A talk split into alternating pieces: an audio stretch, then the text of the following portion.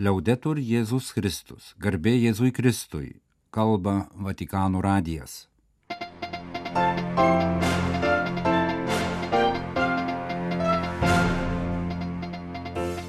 Malonus klausytojai šioje antradienio Liepos ketvirtosios programoje popiežiaus liturginių apieigų kalendorius. Savo veiklą pradėjo Marijos apsireiškimų ir mistinių reiškinių observatorija. Ukrainos graikų katalikų didžiojo arkivyskupo Sviatoslavo Ševčiuko savaitinė apžvalga. Padėka popiežiui ir visiems, kurie nepamiršta Ukrainos skausmo. Istorija apie Salizietę Mikėlą Konsulandį, savo taip vienuoliškam gyvenimui ištarusi per pasaulio jaunimo dienas. Popiežiaus Pranciškaus liturginių apieigų kalendoriuje pasaulinė senelių ir pagyvenusių žmonių dienos mišios Liepos 23 dieną Vatikane ir dvi apaštališkosios kelionės. Popiežiaus liturginių ceremonijų vadovas vyskupas Diego Ravelli informavo, kad popiežius aukos pasaulinės senelių ir pagyvenusių žmonių dienos mišes Šventojo Petro bazilikoje. Mišios prasidės 10 val. Romos laiku, jų transliacija per Vatikanų medijas keletą minučių anksčiau. Liepos 23-ąją, 16 eilinį sekmadienį, Taip pat minima Šventosios Brigitos Švedės Europos globėjos šventė. Liepos ir rūpiučio mėnesiais planuojamos dvi popiežiaus kelionės. Rūpiučio 2-6 dienomis popiežius dalyvaus 37-ojoje pasaulio jaunimo dienoje Lisabonoje. Rūpiučio 5-6 dienomis popiežius vadovaus pasaulio jaunimo dienos dalyvių maldos vigilijai ir uždarimo šventosiams mišioms kelionė į Portugaliją bus 42 Pranciškaus apaštališkoji kelionė. Jos metu rūpiučio 5 dieną Pranciškus lankysis Fatimoje, garsiųjų 1917 m. švenčiausiosios mergelės Marijos apsireiškimų vietoje. 2017 metais popiežius Pranciškus paskelbė du Fatimos Marijos apsireiškimų liudytojus Jacintą ir Pranciškų bažnyčios šventaisiais kanonizavimo apeigoms vadovavo apsireiškimų vietoje Kovada Irija, minint švenčiausiosios mergelės Marijos apsireiškimų Fatimoje šimtasias metinės. Neseniai buvo pripažintas trečiosios liudytojos Liucijos krikščioniškų darybių herojiškas laipsnis, atvėręs kelią jos galimam paskelbimui palaimintąją. Visi trys Fatimos Marijos apsireiškimų liudytojai regėjimų metu buvo vaikai. Šventoji Jacinta septyniarių metų, jos brolis Šventasis Pranciškus devynerių ir jų pusėserė garbingoji Dievo tarnaitė Liucija dešimties metų.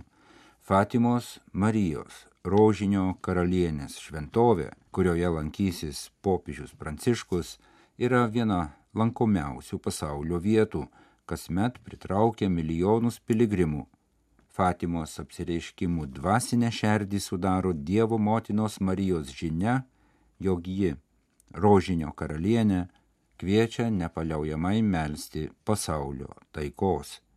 Trečiasis į popiežiaus liturginį kalendorių įrašytas punktas - popiežiaus planuojama kelionė į Mongoliją nuo rūpiučio 31 iki rugsėjo 4 dienos. Kelionės programa dar nepaskelbta. Visoje Mongolijoje gyvena mažiau nei 1500 katalikų. Ulanbatoro, Mongolijos sostinės apaštališkasis prefektas, italų kilmės misionierius 49 metų Džordžio Marengo yra jauniausias Romos bažnyčios kardinolas.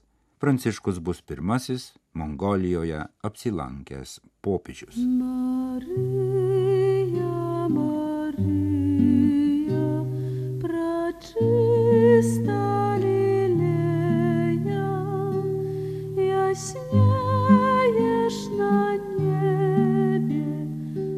Autentiški ar ne Marijos apsireiškimai. Interviu su kunigu Stefano Čekin pristatomi kriterijai vertinant apsireiškimų autentiškumą. Siekiant išaiškinti ir paremti viskupijų įsipareigojimą Tarptautinėje Marijos akademijoje buvo sukurta tarpdisciplininė observatorija. Naujoji observatorija tai studijų komisija, jie nenorima pakeisti viskupijų veiklos, o padėti joms palaikyti. Kunigas Stefano Čekin yra popiežiškosios tarptautinės Marijos akademijos prezidentas, kurioje praėjusiu metu balandį savo veiklą pradėjo Marijos apsireiškimų ir mistinių reiškinių observatorija.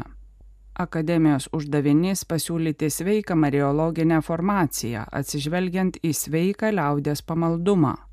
Šiomis dienomis kalbant apie prieiškimus, bent jau Italijoje, pirmoji mintis kyla apie Trevinjano romano, kur Dievo motina kiekvieno mėnesio trečią dieną pasirodydavo tariamai regėtojai.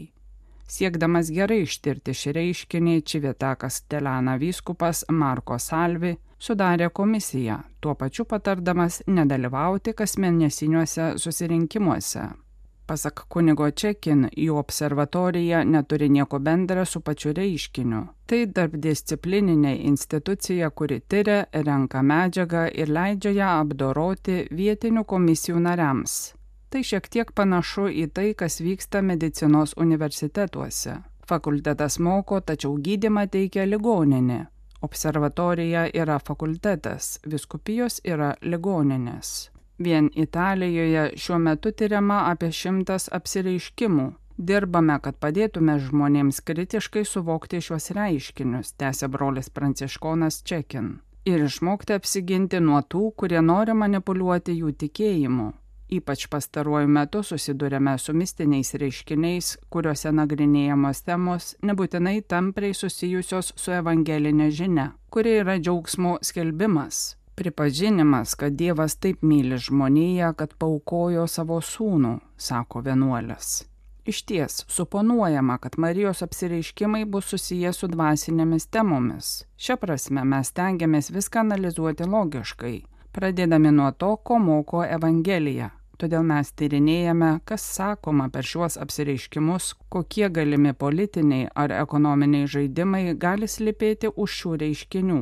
Klausimas, ar jie skirti bendram gėriui ar grupių ir asmenų interesams. Ir dar, kodėl šiandien norime įtraukti į krizę popiežių bažnyčią civilinės institucijas. Marija yra ramybės nešėja, ji ateina vesti mūsų į susitikimą su Dievu, nes Dievas mus myli Jis aukoja savo sūnų už nusidėjėlius, o ne bausti pasaulį. Šiuo atžvilgiu yra kriterijai leidžiantis nustatyti apsireiškimų tikrumą, autentiškumą, pasakoja observatorijos vadovas. Pasak jo pirmasis esminis yra Dievo žodis. Jokia asmeninio apsireiškimų žinia neturi prieštarauti apreiškimui atskleistam Biblijoje šventajame rašte. Tad kalbant apie observatorijos veiklą, biblisto vaidmuo yra esminis. Taip pat vertinama, kas gauna žinę. Regėtojo asmuo turi būti labai nuolankus. Dievas pažvelgia į savo nuolankę tarnaitę, sakoma Magnificat. O ką matome dabar? Mane stebina šio laikiniai regėtojai, kuriems reikia advokato. Jei aš tikiu, jei Marija man tikrai apsireiškia, man nereikia civilinės valdžios, kuri mane apgintų, sako kunigas. Žinoma, ir praeitie regėtojų būdavo įvairių, Tačiau žmonės, gavę apsireiškimo ar mistinių reiškinių dovanas, niekada nebuvo nusiteikę prieš bažnyčią. Dievo motina ateina nešnekučiuotis ar pasisakyti prieš popiežių ir vyskupą, o tam, kad vestų mane sekti Jėzumi. Daryk, ką jis sako, kaip jį prašo per vestuvės kanoje. Pasak kunigo trumpai tariant, nėra prasmė žiūrėti tik į Dievo motiną. Marija visada veda pas Jėzų o jei viskas baigėsi tiesie, tai stabmeldystė. Pranciškoniškoje nekaltojo prasidėjimo ikonografijoje Marija laiko kūdikį ant rankų, koja primynusi gyvatę, kurią sutraiško kūdikis kryžiaus formos jėtimi. Kristus yra centras, pabrėžė vienuolis. Jei žinios esmė nesikeičia, jos perteikimo stilius prisitaiko prie laikmečio. Apsireiškimuose per Mariją Dievas žvelgia į laikotarpio poreikius, mentalitetą, dabartinę kultūrą. Pavyzdžiui, praeitie visų pirma buvo Dievo baimė ir jo bausmė. Tačiau Evangelijos širdis nėra pragaro siaubas. Evangelijos žinia visų pirma yra džiaugsmo skelbimas. Angelas sako Marijai, džiaugauki. Belieka suprasti, kodėl reikia džiaugtis, nes Dievas myli, atleidžia ir aukoja savo sūnų už visus žmonės, net jei jie yra nusidėjėliai. Tai nebaimės įvaizdis. Problema ta, kad velnas nori suskaldyti bažnyčią. Ir kad tai pasiektų, jis taip pat pasitelkia pseudo apreiškimus, akcentuoja observatorijos vadovas. Observatorija gimė būtent siekiant juos atpažinti, Dėl šios priežasties požiūris yra tarpdisciplininis, pasitelkiami skirtingi kvalifikuoti įgūdžiai, aukšto profilio profesionalai. Tai tarnystė informacinė ir mokymų priemonė, be jokio noro pakeisti viskupijų komisijas, o atvirkščiai jas remti. Siekiama, kad kiekvienoje vietinėje bažnyčioje būtų vieta, aplinka, kurioje tarpdisciplininė žmonių grupė, nuo gydytojų iki psichiatrų, teisininkų, būtų atskaitos tašku, siekiant atpažinti žmonėms Dievo duodamą dvasinę dovaną. O vyskupas ir viskupijos komisija surenka medžiagą konkrečiais atvejais ir vėliau paskelbia galutinį dokumentą. Kartu dirbančių profesionalų įvairovė skatina visapusišką ir patikimesnį požiūrį darbuojamės, kad padėtume visų pirma pažeidžiamiausiams žmonėms išsiugdyti kritinį požiūrį, išmokti apsisaugoti nuo apgaulės, nuo sukčiavimo tų, kurie nori pasinaudoti ekonominiais, dvasiniais, fiziniais sunkumais ir jais manipuliuoti. Popiežius Pranciškus nori, kad būtų sukurti bendri namai, kuriuose žmonės būtų savarankiški, nepriklausomi, ieškant tiesos vienintelio kelio, galinčio padaryti mus laisvus. Maina.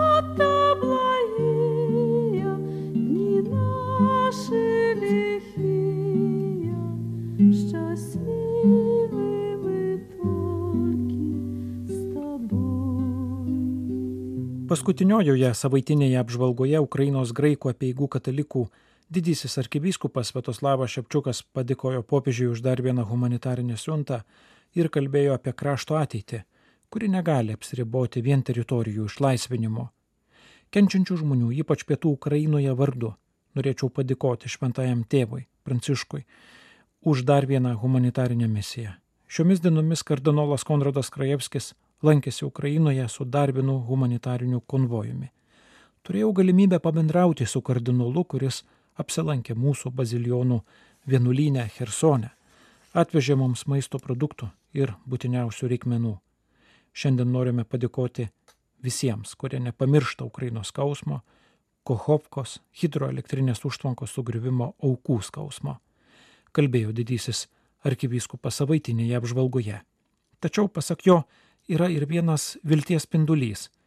Birželio gale, švenčiant Ukrainos konstitucijos dieną, prezidentas Volodymyras Zelenskis pristatė šalies reformos planą, kurį iš tiesų būtų galima pavadinti karą laimėjusios Ukrainos manifestu. Svarbu yra tai, kas vadinama pergalė. Mes visi pradedame suprasti, jog pergalė tai ne tik visų Rusijos užimtų teritorijų deokupacija ir 1991 m. sienų atkūrimas. Pergalė reiškia gyvenimo erdvės atgimimą visoje Ukrainos teritorijoje. Mums būtų svarbu išgirsti, kad mūsų valdžia tradicinę šeimos vertybės laiko kertiniu Ukrainos pertvarkymo akmeniu. Neįmanoma kalbėti apie Ukrainos pergalę, kai jauni ukrainiečiai nesijaučia ramus gimdyti savo vaikų Ukrainoje. Ukrainos pergalė reikš po visą pasaulį išsibaršiusių mūsų tėvynės vaikų sugrįžimą. Sugrįžimą, kad jie atkurtų tų kurie dabar yra svetur, kalbėjo Ukrainos graikų katalikų bažnyčios ganytojas. Jis priminė prezidento žodžius, jog ukrainiečiai negali likti tik pigia darbo jėga Europoje ir kad kraštas laukia jų sugrįžtant.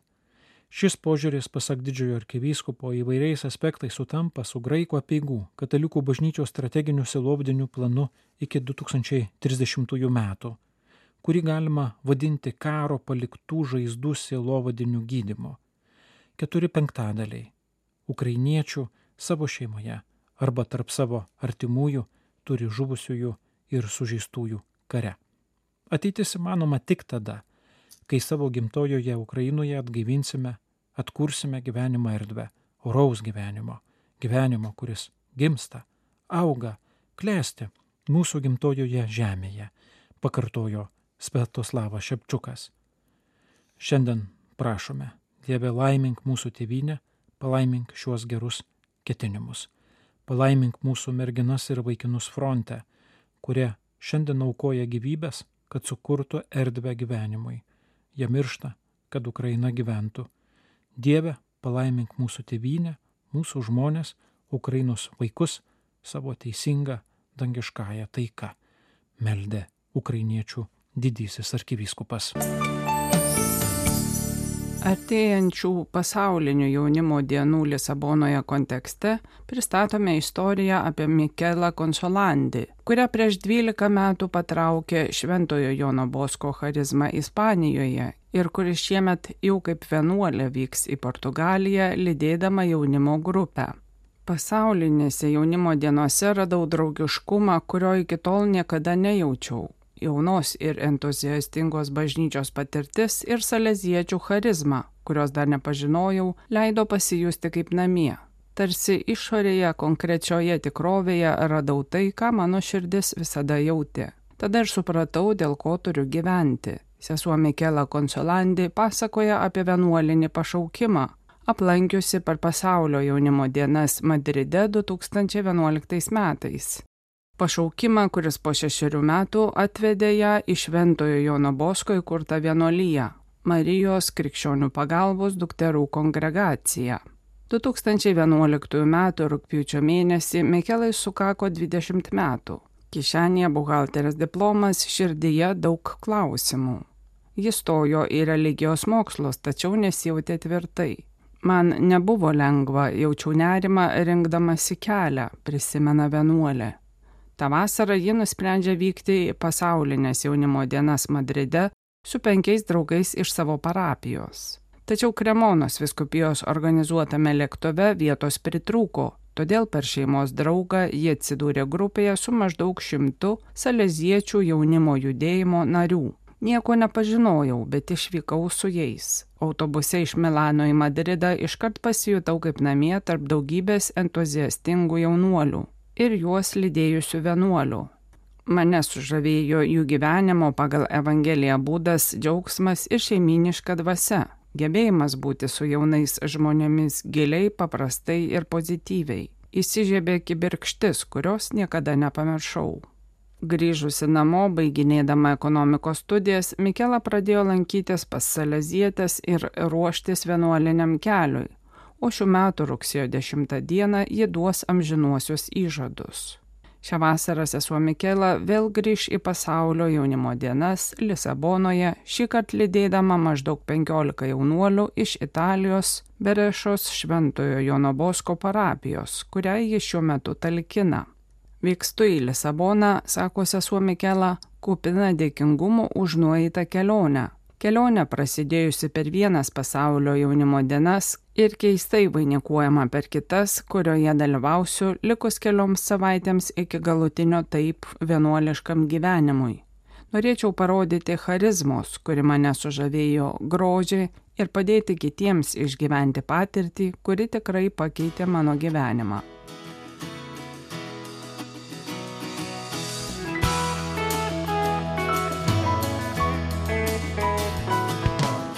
Kalba Vatikano radijas, laidą baigėme garbė Jėzui Kristui, liaudėtur Jėzus Kristus.